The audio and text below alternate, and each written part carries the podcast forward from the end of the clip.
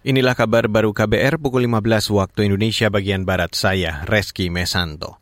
Saudara kalangan parlemen menilai Lembaga Perlindungan Saksi dan Korban atau LPSK tidak proaktif melindungi saksi, korban maupun calon tersangka di penanganan perkara korupsi. Menurut anggota yang membidangi hukum DPR Arsul Sani, hal itu terbukti dari tidak adanya kasus korupsi yang masuk dalam 40-an tindak proaktif LPSK. Meskipun catatan saya, ini nggak ada satupun tindakan proaktif yang terkait dengan tindak pidana korupsi ini ya. Padahal kami atau kita semua juga mencatat selama tahun 2022 ini kan ada beberapa kasus korupsi yang saksi ataupun bahkan calon tersangka lainnya ini meninggal dunia. Anggota yang membidangi hukum DPR Arsul Sani meminta LPSK berperan menangani kasus-kasus korupsi tahun ini. LPSK kata Asrul juga memberikan perlindungan terhadap orang-orang yang sebetulnya bisa membongkar kasus korupsi.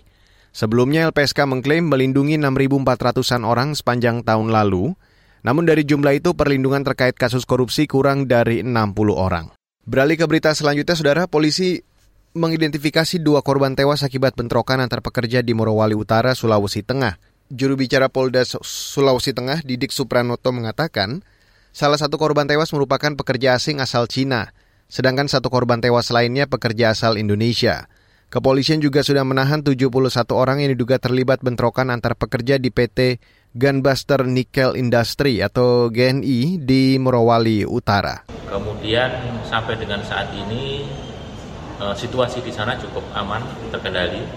Jadi personel Polri dan TNI melakukan pengamanan di tempat-tempat yang strategis yaitu jalan masuk dan keluar dari ke perusahaan, kemudian di jalan Boleng, kemudian pengamanan di tempat jeti atau di dermaga dan juga di uh, tempat smelter.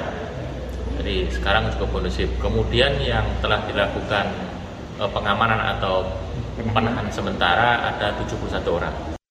Juru bicara Polda Sulawesi Tengah Didik Supranoto menambahkan, Operasional perusahaan PT GNI saat ini terpaksa dihentikan sementara.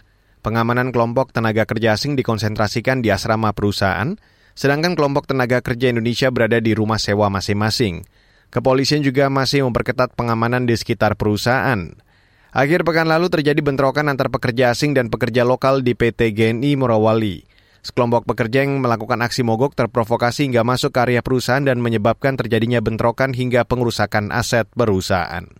Saudara aktivis iklim asal Swedia, Greta Thunberg, ditahan polisi selama unjuk rasa anti penambangan batubara di Jerman kemarin. Harian Jerman Bild melaporkan Thunberg dibawa pergi polisi di desa Lutzerat saat pengunjuk rasa berusaha menyelamatkan desa itu dari kehancuran akibat tambang batubara. Greta Thunberg diseret dari tempat unjuk rasa oleh dua petugas polisi. Dalam orasinya, Greta Thunberg menuding pemerintah Jerman mempermalukan diri sendiri karena masih memberi banyak izin dan perluasan penambangan batu bara. Pemerintah Jerman juga dituding kejam karena menggusur satu desa tanpa kompensasi yang adil. Dan saudara, demikian kabar baru saya Reski Mesanto.